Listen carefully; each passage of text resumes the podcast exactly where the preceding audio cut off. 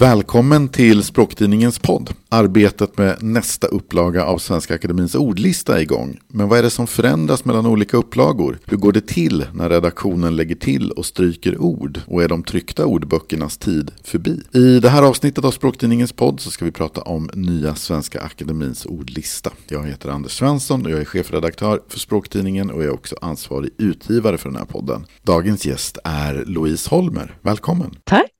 Louise, du är forskare i svenska vid Göteborgs universitet och du var också med och tog fram den fjortonde upplagan av Svenska Akademins ordlista som kom 2015. Och nu då så är det väl lite dags igen kan man säga och du har fått uppdraget att vara huvudredaktör. Grattis! Tack så mycket! Det här med att vara huvudredaktör, jag har ju dels förstått att det är ganska ärofullt, men vad betyder det egentligen?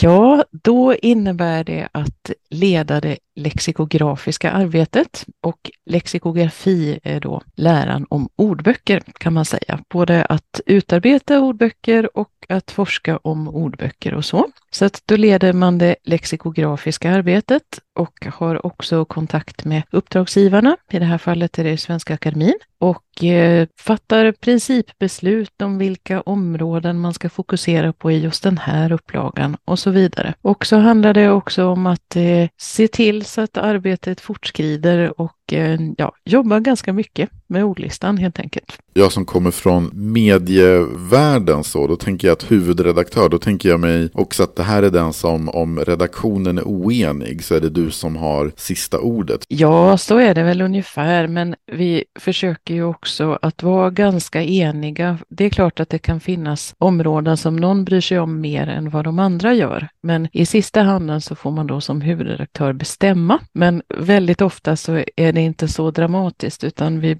brukar diskutera fram olika typer av lösningar. En stor skillnad mot förra upplagan är att svenska.se har publicerats till exempel, där SAOL och systerordboken Svensk ordbok, som då också är en modern samtidsordbok, ligger bredvid varann och ihop med SAOB, den historiska ordboken. Och den här webbsidan gör ju att alla tre ordböckerna, ett ord som finns i alla tre ordböckerna kan visas samtidigt. Nästa upplaga, det blir ju då den femtonde i ordningen. När kan vi förvänta oss att den dyker upp? I nuläget så siktar vi på slutet av 2025. Sen kan det naturligtvis hända saker under tiden. Det vanligaste är väl att ordboksprojekt blir lite senare än planerat. Men slutet av 2025 är det vi jobbar mot nu i alla fall. Och en fråga som man kanske också ställer sig just i våra tider. Du nämnde Svensk ordbok här tidigare som ju den andra upplagan kom ju så att säga bara digitalt. Men blir det en tryckt SAOL även den här gången?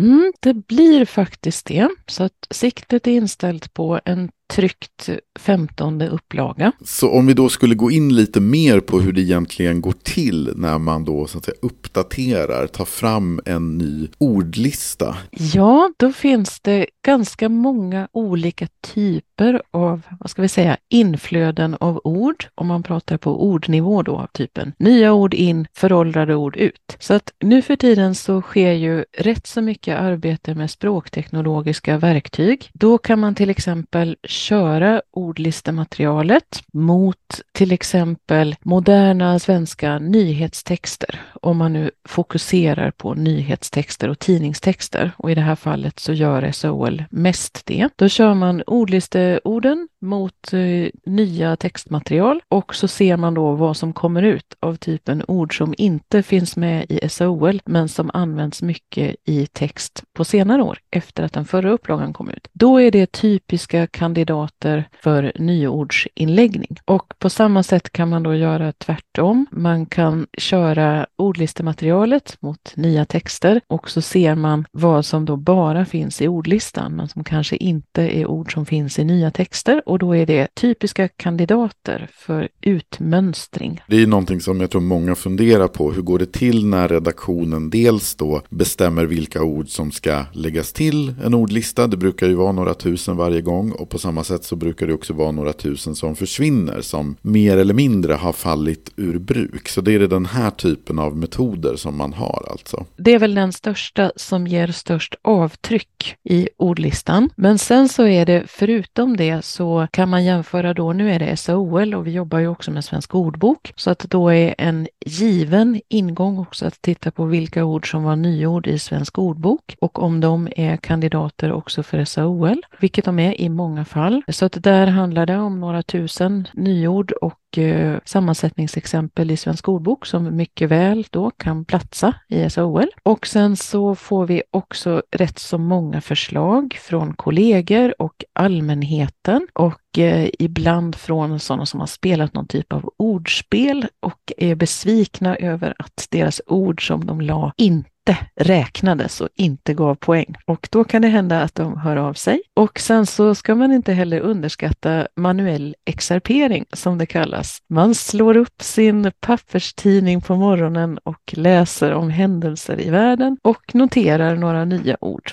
till exempel. Ja, för en sak som jag tror att många också är nyfikna på det är ju hur, hur vanligt eller etablerat behöver ett visst ord vara för att det ska tas med i SAOL till exempel. Då är några tumregler att det bör vara ganska väletablerat. så att till skillnad från till exempel Språkrådets och Språktidningens nyordslistor som kan ta med ord som har blivit vanliga bara senaste året och där man inte vet så mycket om framtiden. Den typen av ord brukar inte SAOL som regel ta med om man inte kan vara väldigt säker på att något är här för att stanna. Så vi försöker att inte ta med dagsländor kometor eller ibland kallas det kometord som gör en snabb karriär och sen försvinner de bort i universum och kommer inte tillbaka under överskådlig tid. Så att någon form av väletablerat ord eller ordform behöver det vara. Och så tittar man lite på beständigheten, att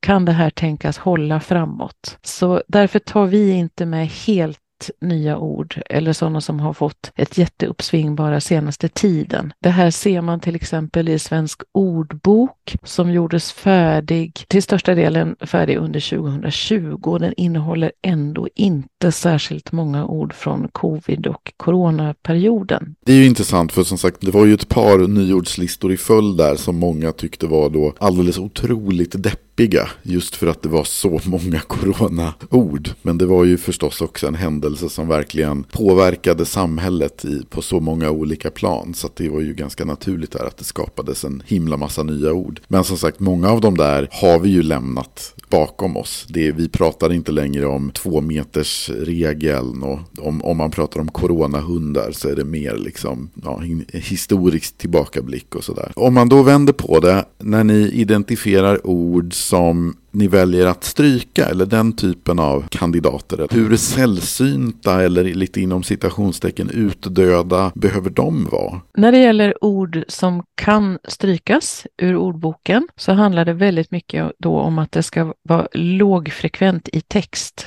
och i så fall också i alla böjningsformer. Så då brukar man kontrollera alla böjningsformer av ett ord. För väldigt många ord i ordlistan är substantiv och de är sammansatta substantiv. Och substantiv har i normalfallet eh, åtta böjningsformer brukar man säga. Plural och singular, bestämd form, obestämd och genitivformer i olika kombinationer. Och då undersöker man alltså alla böjningsformer och om ett ord är ovanligt då i alla böjningsformer så är det en strykningskandidat. Men sen kommer också sånt in som att en svår gräns ibland mellan allmänspråk och fackspråk och det kan vara att det är ovanligt i allmänna nyhetstexter med spridning då i hela Sverige och i olika typer av tidningar, men kanske är vanligare i något visst fackspråk. Och då kan det ha tagits med tidigare för att det kanske var lite vanligare och sen så har det försvunnit ur allmänspråket men finns kvar i fackspråk och det är en svår gränsdragning. Och på samma sätt tvärtom som vi kanske också såg under just coronatiden att mer fackspråkliga ord faktiskt blev vanligare i allmänspråket. Och sen så är det förstås att ord kommer in i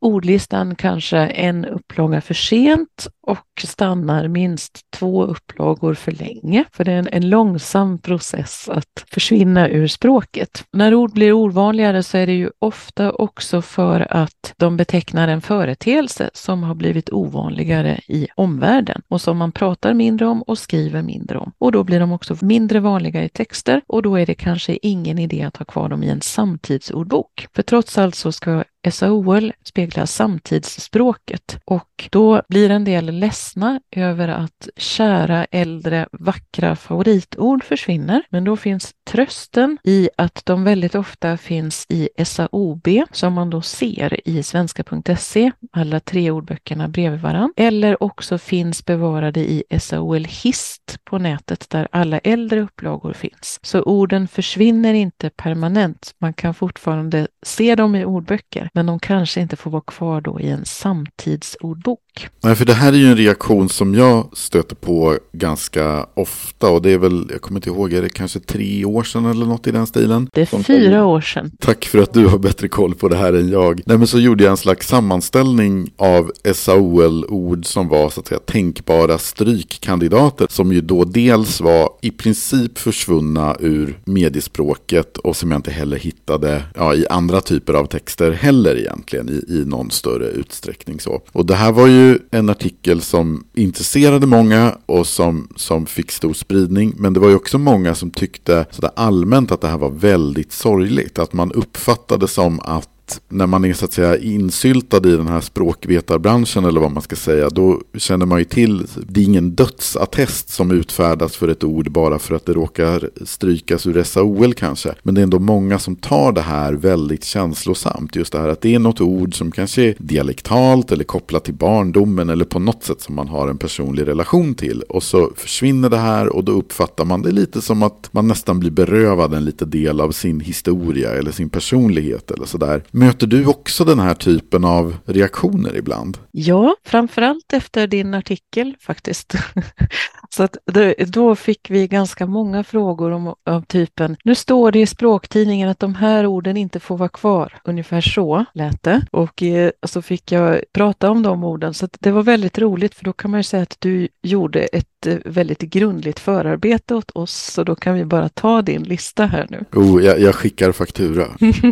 ja, vi har tittat lite på den och väldigt mycket är ju just lågfrekvent och den här typen anakoret har jag för mig var med på listan, alltså eremit och då är det just ett lite äldre, lite sällsynt vackert ord som man kan tänkas sakna, medan kanske ord som nyfrisk jobb inte har riktigt samma vackra klang för många. Så att då fick vi väldigt många frågor om kanske just kategorin äldre fina ord eller som påminner om naturföreteelser som man tycker mycket om. Och då har vi också svarat att vi kommer att göra en egen bedömning, men att det ju naturligtvis stämmer att de är inte så vanliga i allmänspråket längre. Och här finns absolut många kandidater till strykningar. Och då kanske vi framförallt siktar på sådana som inte är aktuella i samhället längre eller som har haft sin ganska snabba karriär men nog inte kommer tillbaka. Och då har vi av typen vissa politiska modeord kanske, ord för teknik som inte är lika vanlig allmän radio och flyer med AJ-stavning. Det används i princip inte, även om principen också har varit att föredra svensk stavning för inlånade ord. Mm, ja, just det. Flyer där kommer jag faktiskt ihåg. Det var ju en liten uppenbarelse för mig att den stavningen överhuvudtaget fanns. Och det där är ju för övrigt min iakttagelse också. Att av alla de som hörde av sig till mig då så var det ju. Det var just de här äldre orden som man på något sätt förknippade. Ja men hade någon slags personlig relation till. Det var ju de man upplevde att de här kommer jag sakna. Medan om det var ord från sig senaste årtiondena och så, kanske sådana som varit med på nyordslistor och som också plockats upp i SAOL men som ändå inte riktigt fått fäste och sen liksom dalat rejält på senaste åren. Det var inte så många som så att säga ville krama de orden. Visst, och då kan det ju också vara så här att många av dem är ganska vanligt eh, komponerade sammansättningar som inte heller bjuder någon sorts motstånd med stavning eller böjning. Men ett ord som anakoret kanske är svårt att böja, alltså det är ovanligt i sig. Man vet inte riktigt hur det ska böjas eller fascikel, bunt eller häfte. Det pratade jag med en arkivarie om. Det är svårt att både stava och böja kanske, så att då finns, om, eftersom det ändå är ordlistans huvudpoäng, stavning och böjning och till viss del ordbildning av svenska ord så kan det vara mer motiverat med den typen av ord. Men samtidigt så blir ju också ordlistan en spegel av samtidsspråket när man lägger alla upplagor bredvid varandra. Så då finns det också en poäng med att ha med väletablerade sammansättningar. Kanske inte de allra mest genomskinliga som stolsfabrik eller chefsproblem eller vad det kan vara för någonting. Det finns inget, inget särskilt med dem så att säga. Men just nyfriskjobb, ja men ett tag talar man om det och då finns det en poäng att ta med det. Men sen är det inte alls aktuellt och det har bytt namn om det ens finns och då finns det ingen poäng med att bevara det heller. Nu har vi pratat mycket om ta med nya ord, stryka ord som är på väg att falla ur bruk. Men det är inte den enda typen av revidering som görs utan ni, jag vet ju att ni i vissa sammanhang så ser ni ju även över betydelser till exempel. Och ett sånt där ord som har uppmärksammats ganska mycket just i år det är ju ordet snipp och det här var i samband med ett väldigt uppmärksammat rättsfall här i våras någon gång. I SAOL så hittar man då betydelsen flickans könsorgan och där vet jag vi pratade ju om det i ett poddavsnitt i våras också så att det var en betydelse som ni skulle se över. Så när ni reviderar, när ni ser över en betydelse, hur går det arbetet till? Ja, det går till som så att vi söker fram ord som tillhör, man brukar ibland prata om samma semantiska fält, alltså ord som har ungefär samma semantik, alltså ordbetydelse eller som då på något sätt är kopplade till varann inom ett visst område. Och så ser man över alla på en gång och då har vi ibland fokus på vissa fält och ibland på andra. Och just i fallet med snippa så fick SAOL då föll det lite, något lite bättre ut än Svensk ordbok, men det är också för att SOL inte är en definitionsordbok. Så att ofta finns det bara en antydan till definition. Ibland finns det synonymer, närsynonymer. och så vi brukar inte ens prata om definitioner utan betydelsebeskrivningar, för det är mer överensstämmande. Men då ser man över oftast då ett helt fält åt gången. Så att vi har en specialsatsning på kontroversiella ord, för det är också ett sådant område där det kan gå väldigt snabbt och Eh, där det som är rätt ena året är plötsligt eh, väldigt fult att säga nästa år. Så där får man försöka hänga med lite mer nu tror jag än för ett par, tre decennier sedan. Och när ni kikar då på just betydelsen, är det så, läser ni då ett stort antal texter där ordet snippa förekommer för att försöka få kläm på hur används det här ordet i praktiken och hur det överensstämmer med den betydelse som finns i ordlistan? Ja, ungefär så. Både SAOL och SO undersöker bruket väldigt mycket. Sen är SAOL något mer normativ när det gäller stavning och böjning framför allt och Svensk ordbok mer deskriptiv. Men då får man försöka se på hur det används och beroende på vad det är för ord. Vissa ord som finns i allmänspråket finns kanske också beskrivna i mer fackspråkliga skrifter, men det hindrar ju inte att allmänspråket kanske ändå använder det på ett annat sätt och ibland blir det lite svåra, då blir det en spänning däremellan som eh, man får försöka hantera och eh, då gör vi så gott vi kan och när vi har gjort fel så brukar vi få veta det av användarna. Ett klassiskt eller några klassiska exempel på det här är till exempel grävskopa och grävmaskin. Att man kallar hela maskinen för en grävskopa till exempel. Och nu är båda, finns båda orden och används men kanske används slarvigt i allmänspråket eller utan särskilt mycket eftertanke. Och en annan är typiskt eh, magnetröntgen. Det är inte röntgen som används och då har ordböckerna löst det eftersom många ändå använder magnetröntgen och säg, alltså säger det eller skriver det i språk. Att man kan ha en hänvisning då, använd hellre magnetkameraundersökning eller som det står, så står det i SOL eller i Svensk ordbok, ej fackmässig beteckning till exempel. Att man tar med ordet för att det trots allt används men försöker visa att i fackspråk så heter det egentligen så här. Något annat som jag vet att ni gör förstås när det är dags för en ny upplaga det är också att man kikar på stavningar. Om man slår upp SAOL så hittar man stavningen QUIZ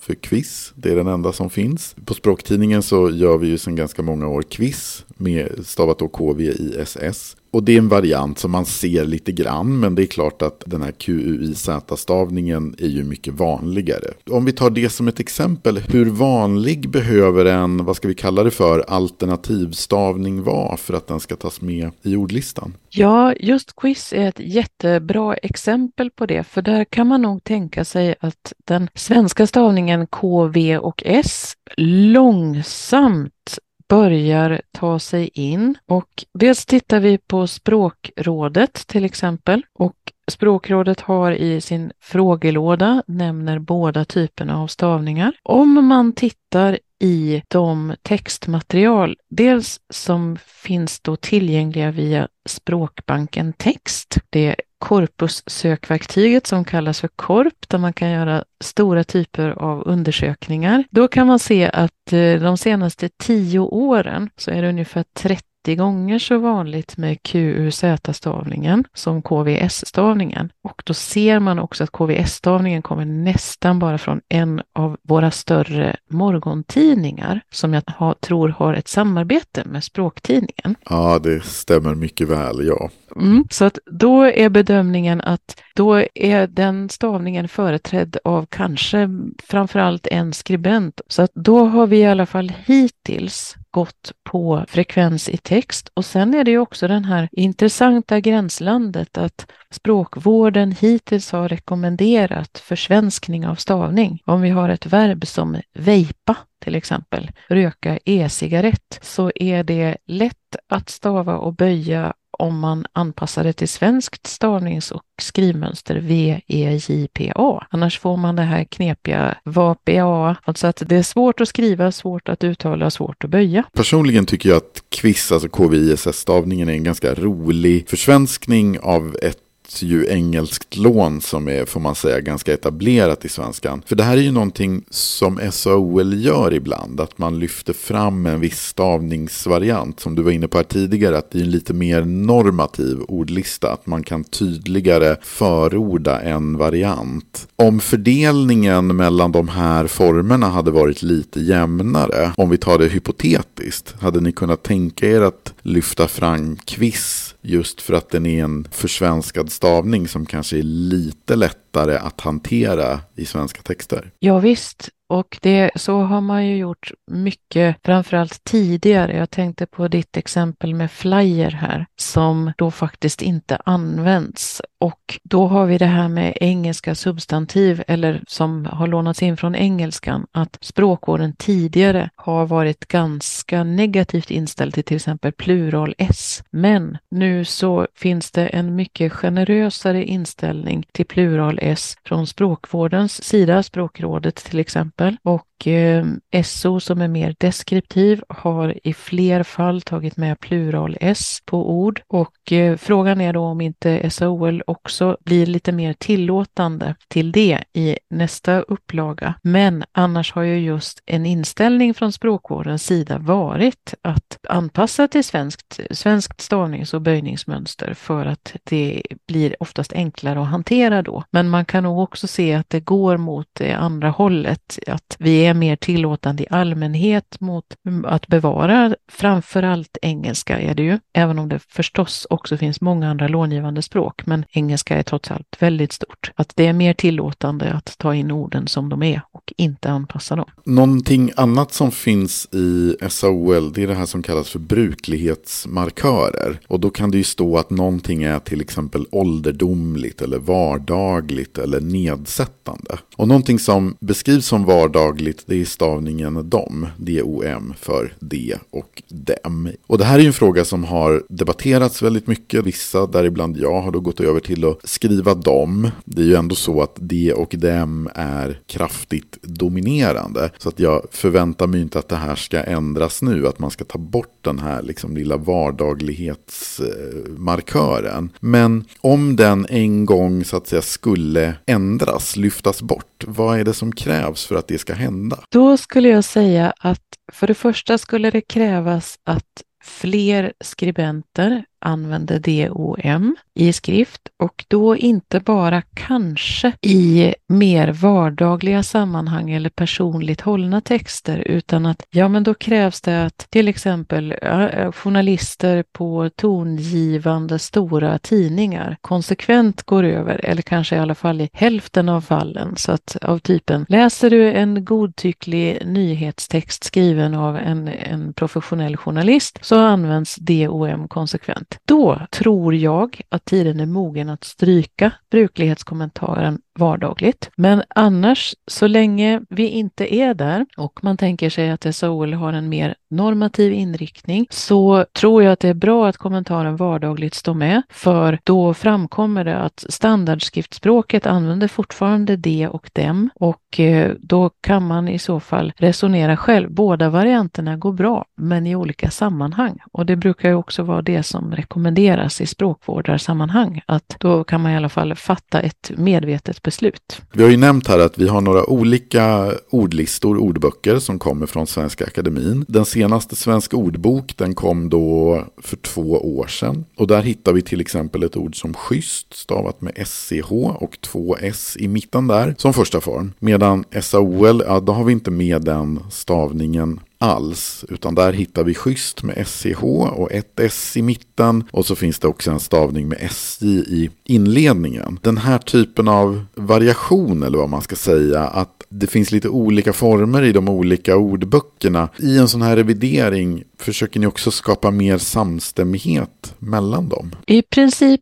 Ja, för just för att när de här ordböckerna ligger bredvid varann så blir det ibland uppenbart att de säger olika saker och då är det inte säkert att det hjälper användaren till exempel. För då lägger man ganska mycket på användaren att den måste känna till att SO är mer deskriptiv och SOL mer normativ. Och det kanske användaren absolut gör och kanske också är intresserad av att se vad det finns för skillnader. Men vi har också sedan några år ett harmoniseringsarbete som går ut på att åtminstone minska de omotiverade skillnaderna mellan ordböckerna. Och sen har de ju också gått omlott i arbetet, alltså att arbetet har sett ut länge som först är det SAOL en upplaga och sen kommer någon variant av Svensk ordbok. Och när den är färdig så kommer SAOL igen, alltså att man inte har jobbat med ordböckerna samtidigt. Och då leder det ju kanske också till att nu har SO registrerat stavningen med två S på schysst som den första och SAOL har inte alls med den. Då kanske det är så här att ett första steg är att SAOL har med den formen. Det går ju alltid lite långsamt i ordböcker. De är sällan progressiva utan de ligger lite i efterkant och så är en aning mer konservativa än språkbrukarna. Så då kanske tiden är mogen för att ha med schysst med två S men kanske fortfarande inte som första form. Så förhoppningsvis då så om sisådär två år så, så kommer då den femtonde upplagan av Svenska Akademins ordlista. Vi ser fram emot hösten 2025. Om det är någon då som har hittat något